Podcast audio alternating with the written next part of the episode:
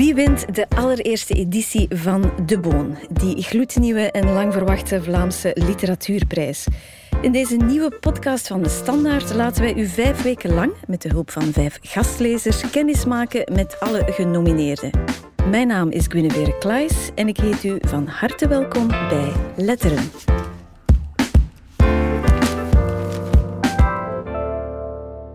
De Boon bekroont vanaf nu elk jaar het beste Nederlandstalige boek in twee categorieën nog wel. Er is De Boon ter waarde van 50.000 euro voor fictie en non-fictie en er is De Boon ook al 50.000 euro waard voor kinder- en jeugdliteratuur. Voor die kinder- en jeugdboon maakt onze huisspecialiste Vele van een Bos ons straks warm. Maar nu eerst alle aandacht voor het boek Jaguarman, onze derde genomineerde van De Boon voor fictie en non-fictie. Over dit hoogstpersoonlijke boek toch wel van schrijver en columnist Raoul de Jong komt Rebecca de Wit ons vertellen. Ze is ook zelf schrijfster, theatermaker, actrice en ook columniste in ons weekblad. Ik heb gezocht naar een vloek, maar ik heb hem niet gevonden. Integendeel, jouw superkracht was niet de reden voor lelijkheid, hij was de oplossing. Ik zag het toen ik vanochtend in de spiegel keek. Ik leef, ik leef en ik ben niet alleen. In mijn gezicht zag ik al die mensen die voor mij kwamen. Ik weet wie ze zijn, ik ken ze, ik ben ze zelf.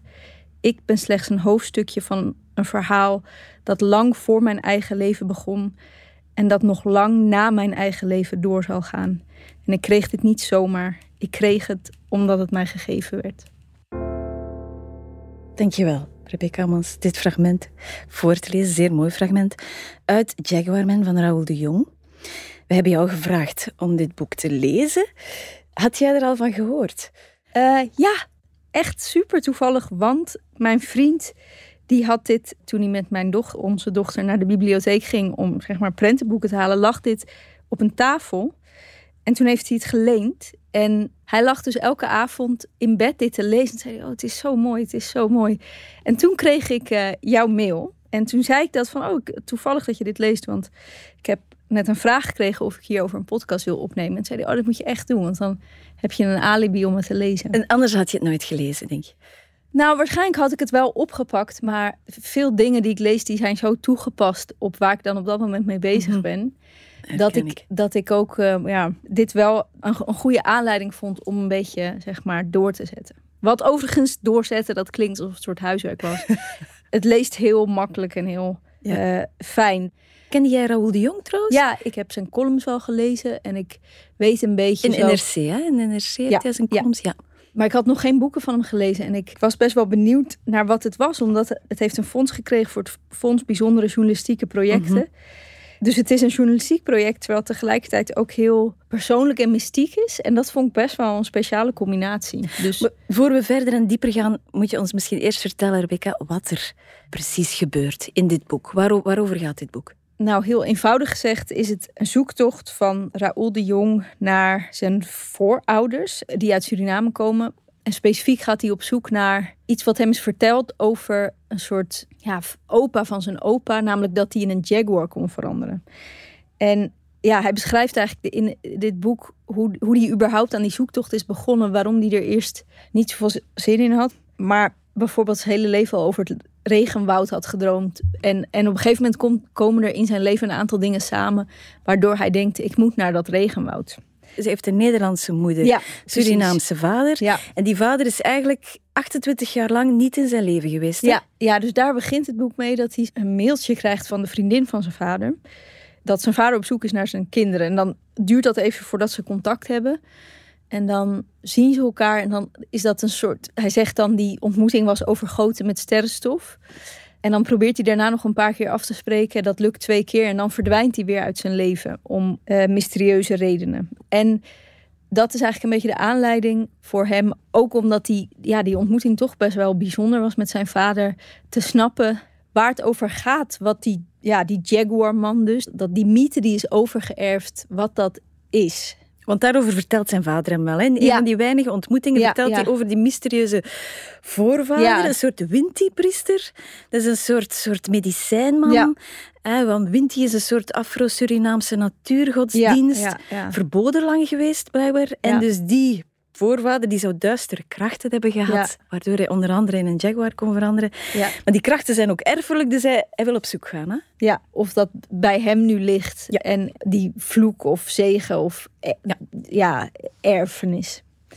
En wat ik zo cool vind aan ja, dus die Jaguar-man als een soort eikpunt om naar op zoek te gaan, of, de, of die mythe, is dat het dus, ja, het is dus journalistiek, maar het is ook zo mythisch. Dus het is, het is de hele tijd een soort toon van een enorme heldere Hollandse stem ook, of zo. Ik, daar worstelt hij ook mee als hij in, in, in Suriname aankomt. Want hij gaat dan naar Suriname. Dat hij zo zijn, zijn, zijn plompe vrijpostigheid noemt hij dat dan. Wat Hollanders natuurlijk enorm zijn. Maar tegelijkertijd zo die zoektocht of het verlangen naar dat mystieke. En vind ik het ook best wel een ode aan, of, of een begin van of zo, wat Surinaams-Nederlandse literatuur zou kunnen zijn. Omdat ik het dus zo een combinatie echt vind van die twee eigenlijk. Ik ken veel Surinamers en ik, ik, ik, als hij beschrijft hoe ze praten, dan hoor ik dat en dan weet ik, oh ja, ja, zo. En, dus ik kan heel veel dingen ineens plaatsen. Mhm. Maar ik was best wel benieuwd hoe dit voor een Vlaming dan is om te lezen. Ja, ik, ik moet echt wel bekennen dat dit een boek is dat ik zelf niet meteen spontaan zou vastgrijpen en beginnen lezen. Dat is echt wel zo. Want je voelt van, het is Nederland, het is dan nog eens Suriname, dus er zijn wel heel veel drempels om over te stappen. Maar goed, ik ben aan beginnen lezen en dan vergeet je dat eigenlijk. Want hij pakt je vast, hij pakt je mee, begint met dat verhaal over zijn vader natuurlijk, wat zo universeel is, wat je zo inpakt. En dan ben je gewoon mee. En of het dan Suriname of Congo of Zuidwest-Polynesië is, dan maakt dat eigenlijk niet meer uit. Het is zeer intrigerend, heel die Winti. Ik kende daar ook helemaal niets van. Ik heb dat ook eerst moeten opzoeken, dus dat was voor jou, je had dat al gehoord. Voor mij was dat allemaal nieuw. Maar dat, is, dat, dat maakt het daarom niet uh, minder interessant, net in tegendeel. Hè. Maar die drempel is er wel. Dus ik denk wel voor ons, Vlamingen, dat het niet zo makkelijk is om. Ja, om het te gaan lezen. Ja, ja, ja, ja. Nou ja, en wat denk ik ook een verschil is, denk ik, voor een Vlaming, is dat ik ook geconfronteerd werd met mijn eigen vooroordelen over Suriname en bijvoorbeeld Winti. Ik dacht, oh, dat is gewoon een soort christelijke indoctrinatie. Dat ik maar dus ook via Surinamers zelf. Dus dat ik zelf dacht dat dat, oh, dat is een, dat is een beetje spooky en eng. Dus wat hij, wat mhm. hij doormaakt in dat boek, dat heb ik echt zeg maar zien gebeuren om mij heen of zo. Dat hij inderdaad dacht, oh dat is duister, daar mag ik niet heen. En ja. Ehm, ja, ja, want hij, hij klaagt er een beetje aan, of zegt dat ook vaak in interviews, dat, dat er in Nederland eigenlijk weinig geweten is, nog altijd over die oude kolonie. Dat er eigenlijk weinig, ook op scholen, weinig over verteld wordt. Is dat zo? Dat klopt. Ja, dus voor mij was dit ook wel echt confronterend in die zin. Omdat ik was natuurlijk voor vandaag wist ik dat ik bepaalde dingen die erin staan misschien hardop zou moeten zeggen. En toen kwam ik erachter dat ik heel veel woorden, nou sowieso niet kende, maar dus ook nog nooit hardop had gezegd. Um, Um, Zoals? Ja, precies. Nou, waarschijnlijk kan ik ze dus niet uitspreken. Maar die Pairuan depots, ja. zeg maar, dus die aankwam, de kolonisator basically. En de Pai-mannen, dus die, die, die medicijnmannen. En allemaal Surinaamse namen en schrijvers. En omdat ik zoveel dingen niet kende, was ik de hele tijd zo moest ik voor mijn gevoel aantekeningen maken. En dat vond ik best wel confronterend. Dat, dat, dat zegt dus, zeg maar, als dit een roman zou zijn over een zoektocht naar voorouders in Amerika of zo. En het zou gaan over, en toen voer ik op de Mississippi. En heb ik natuurlijk allemaal referenties. En dat dat bij Suriname gewoon totaal niet zo is. Dat vond ik zo confronterend. Maar hij, daar is het niet om bedoeld of zo. Nee, maar dat is een consequentie van het feit dat je dus dat mijn referentiekader dus helemaal niet vol zit met Suriname. Ja. Mhm. Dus want hij is natuurlijk niet de eerste, de enige schrijver die op zoek gaat naar zijn vader en zijn voorvader en zijn roots. Maar daarin onderscheidt het boek zich dan ook wel. Namelijk dat het die meerwaarde heeft, dat het over Suriname vertelt en dat er eigenlijk nog veel te weinig over verteld wordt. Ja, er wordt te weinig over verteld. Maar er is wel veel. Het is gewoon alleen niet doorgedrongen tot de kanon. En dan nu zo een beetje met Anton de Kom. Dat heeft dan Atlas Contact opnieuw uitgegeven, geloof ik. Of daar zo met Black Lives Matter twee jaar geleden, dan hebben ze dat weer zo. Een beetje... wij slaven van Wij slaven van Suriname, ja ja, ja ja, dat is heel lang verbannen geweest. En dan in de jaren zeventig in uh, studenten in Leiden, een soort zeg maar illegale kopie. En, en dat is een boek wat mensen wel nu eens in de winkel zien liggen. Maar dat, ja, en Astrid Roemer, die heeft natuurlijk de PC Hoofdprijs gewonnen. Maar ja, mhm. daar stopt het ook mhm. echt wel. Oké. Maar hij lijst best wel wat namen op waarvan ik dacht, oh, dat bestaat dus of dat Mhm. gebeurt dus. Mhm. Ja, Dat, dat is een grote kracht van het boek. Nu, je, je noemde het daarnet al, of je, dat mystieke. Hè? Ik lees het ook heel erg als een, als een uitnodiging, als een oproep om dat mystieke, dat, dat spirituele, dat religieuze meer toe te laten, meer binnen te laten. Nu, jij Ja. bent de dochter van een dominee, dat is Ja. voor jou helemaal niet vreemd. Maar hoe zinvol vind jij die, die, die oproep? Want dat zit er ook heel nadrukkelijk in, heb ik het gevoel. ja, heel zinvol. En ik geneer me ook best wel als, of zo als ik het lees in de zin, ik eh, ben niet gelovig of ik ben geen enorme fan van de christelijke traditie. Of fan, ja, god, die is er nou eenmaal. Eh, maar ja, als je ziet dat bijvoorbeeld Winti, dat heeft inderdaad ook bij veel Surinamers in Nederland een hele, zeg maar, verboden en ik ken één bepaalde Surinaamse familie waarmee ik een beetje ben opgegroeid heel goed. En er was één tante inderdaad van die familie die deed aan Winti. En dat was ook altijd een beetje... Ik dacht ineens door dit te lezen terug aan die tante van... Oh ja, ik kreeg de blik van die familie mee dat dat een beetje een gekke tante was. Ja, dus die oproep tot dat religieuze of zo.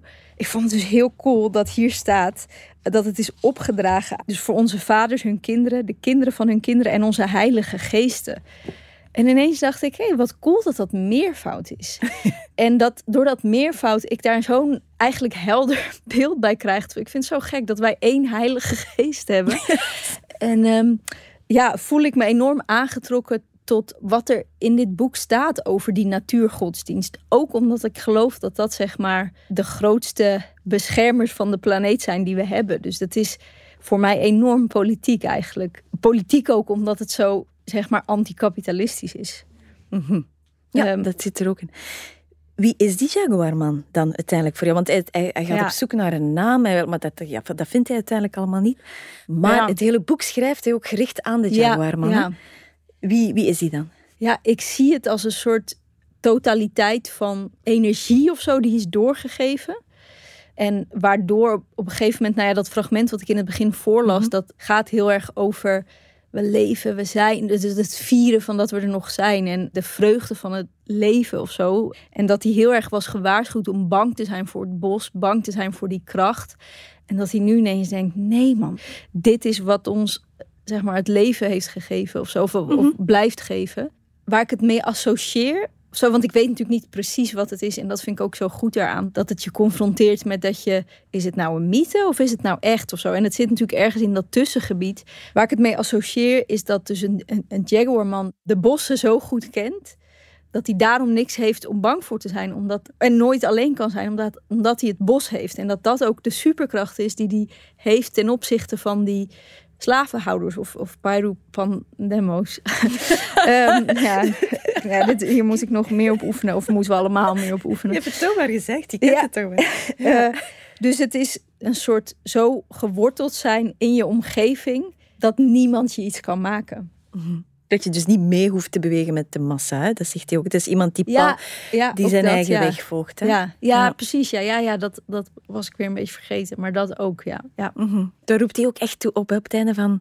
Haal de Jaguarman in Ja, ja, boven. ja, ja, ja. Heel, heel aandoenlijk. Ja. Dat vind ik heel, heel li- Ja. lief ook in een way. Ja, Ja. ja. en ik vond dat best wel. Het is ook inderdaad zo expliciet of zo, waarvan ik me kan voorstellen dat mensen zijn die dat niet mooi vinden, omdat het eindigt best wel in een soort eh, unisono akkoord, zeg maar. Ik vond het best wel ballen eigenlijk om zo in zoveel vreugde en helderheid te eindigen. Ja. Want het is echt geen feel-good verhaal, maar het is meer Nee. een soort strijdbaarheid die overblijft of zo. Ja, want het is inderdaad... Hij heeft 30 jaar lang eigenlijk Suriname, los van het regenwoud dan...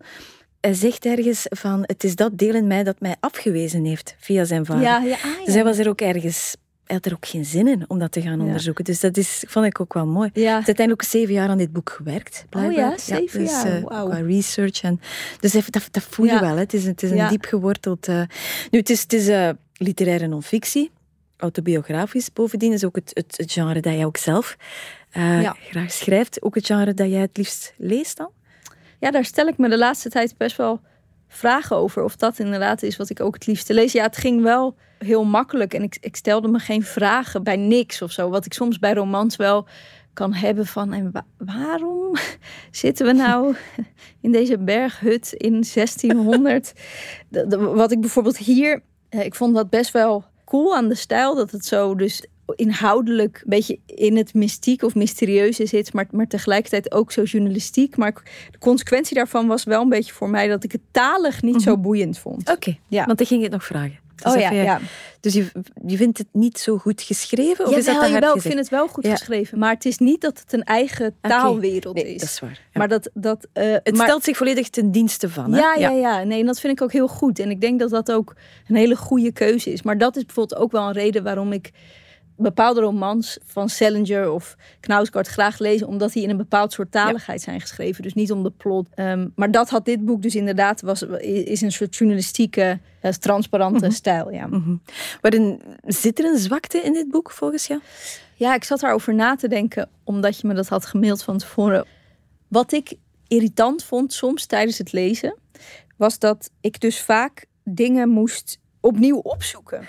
Ja van wie was ook weer wie. Dus er is een veelheid aan namen en contexten. Maar dit gezegd zijnde denk ik ook, ja, maar als dit een boek in Amerika was geweest, waarbij ik veel meer referentiekader had gehad, en er waren een paar nieuwe dingen, oké, ik heb een beeld bij de Mississippi, ik heb een beeld bij Mark Twain en een beeld bij. Dan had ik dat waarschijnlijk veel makkelijker kunnen incorporeren. Dus het zegt ook, het feit dat ik dat irritant vind, zegt volgens mij veel meer over het feit dat het zo niet tot de kanon behoort. En dat het een hele nieuwe taal is die ik moet leren. En allemaal nieuwe referenties die ik mijn eigen moet maken. Dus dat is geen zwakte van het boek, maar dat is een zwakte van de kanon. Ja, oké. Zou je het boek aanraden aan iemand? Ja, zeker. En, en, zeker. Zou je het heel specifiek aan iemand aanraden? Of omdat hij ergens naar op zoek is? Of... Nou, ik vond het dus best wel leuk dat mijn vriend het heeft gelezen. Omdat hij is ecoloog en best wel een beta-hoofd heeft hij. Maar ook zo'n enorme liefde voor de natuur die hij eigenlijk niet kan uitdrukken. En als mensen vragen aan hem, want hij is bioloog dus, van ja, waarom is de natuur eigenlijk belangrijk? Dan wordt hij een soort wit heet omdat hij geen taal heeft om dat uit te drukken. En ik denk dat de reden dat hij dit zo mooi vond, was omdat er dus een. Ja, die Arowakken bijvoorbeeld, waar hij van afstamt, of alle mensen die diep in dat zeg maar Jaguarland wonen, zo'n schaamteloze bomenknuffelaars zijn en zo zoveel overgave en liefde hebben voor hun omgeving, dat hij zich daar volgens mij best wel aan optrekt. Dus ik zou het misschien wel aan aan bomenknuffelaars aanraden. Natuurlijk. Die zinnen zoeken om zich uit te drukken. Dat is ja, en dat, dat, dat je, ja, en ook dat dat dus eeuwig gebeurt. En dat dat op zich, dat je je daar dus niet voor moet schamen. Ja. ja. Is, is er een wel bepaalde scène? Je hebt natuurlijk al een fragment gekozen, maar is er wel een bepaalde scène, een fragment dat jou heel specifiek is bijgebleven? Ja, ik heb natuurlijk die, de ontmoeting met die vader in het begin van, vond ik wel best wel aangrijpend. En ook aangrijpend dat hij niet meer komt opdagen en dat hij daar toch dan weer mee moet dealen. En ja, daar zijn, dat, alle details daarvan zijn me natuurlijk bijgebleven. Dat hij, dat hij staat te wachten en wat hij dan aan heeft. En hoe die zijn vader zich voorstelt en de minuten die dan voorbij trekken. En waar die ook staat in het Centraal Station, dat, die plek ken ik ook. Dus dat kon ik natuurlijk helemaal voor me zien. En ja, ik had ook best wel veel zin om naar Suriname te gaan. Omdat ik al die scènes met dat hij dan aankomt in Suriname en nog geen geld heeft. En dat dat dus niet uitmaakt en zo. Ja. Dat vond ik zo onvoorstelbaar. Ik bedoel, er zullen ongetwijfeld heel veel dingen heel irritant zijn aan daar te wonen of zo. Maar ik was best wel jaloers. Ik heb Surinaamse vrienden die dan, als je vraagt hoe het met ze gaat, zeggen ze altijd met best wel trots van rustig, rustig. Dus dat is echt zeg maar iets om trots op te zijn. Dat je dus geen drukte aan het maken bent. En dan vind ik witte mensen altijd zo, zeg maar, ja, druktemakers of zo. En uh, druk maken, ja, druk maken, letterlijk. Dus ik had best wel zin om daar te zijn. ja. Ik kan nog alle tijd ja, voor, ja. Nou ja, goed. Ja, ja zeker. maar dus eigenlijk hebben we het hier al een beetje uh, gezegd, hè, op versnipperde wijze. Maar omdat we hier altijd mee eindigen met diezelfde vraag. Waarom zou dit boek mogen winnen voor jou? Ik heb, ik heb niet alle boeken in de shortlist gelezen, dus ik weet niet waar het mee in competitie is. Mhm. Maar ja, een grote verdienste van dit boek vind ik dat het heel veel dingen tegelijk is. Dus het is emotioneel en persoonlijk en je wordt er slim van en stil van. En het is, ja, het is zowel journalistiek als mystiek, zeg maar. Waar lees je dat? Ja, dat vind ik echt een grote verdienste. Dat is heel veel, hè? Ja, toch? Ja, ja. ja. Rebecca de Wit, mag ik je danken voor nou, dit slimme, rijke, voedzame verslag. en ineens ook voor jouw wekelijkse column bij ons. Want ik ben elke keer zo'n dankbare lezer. Nou, Dank je wel. Graag gedaan.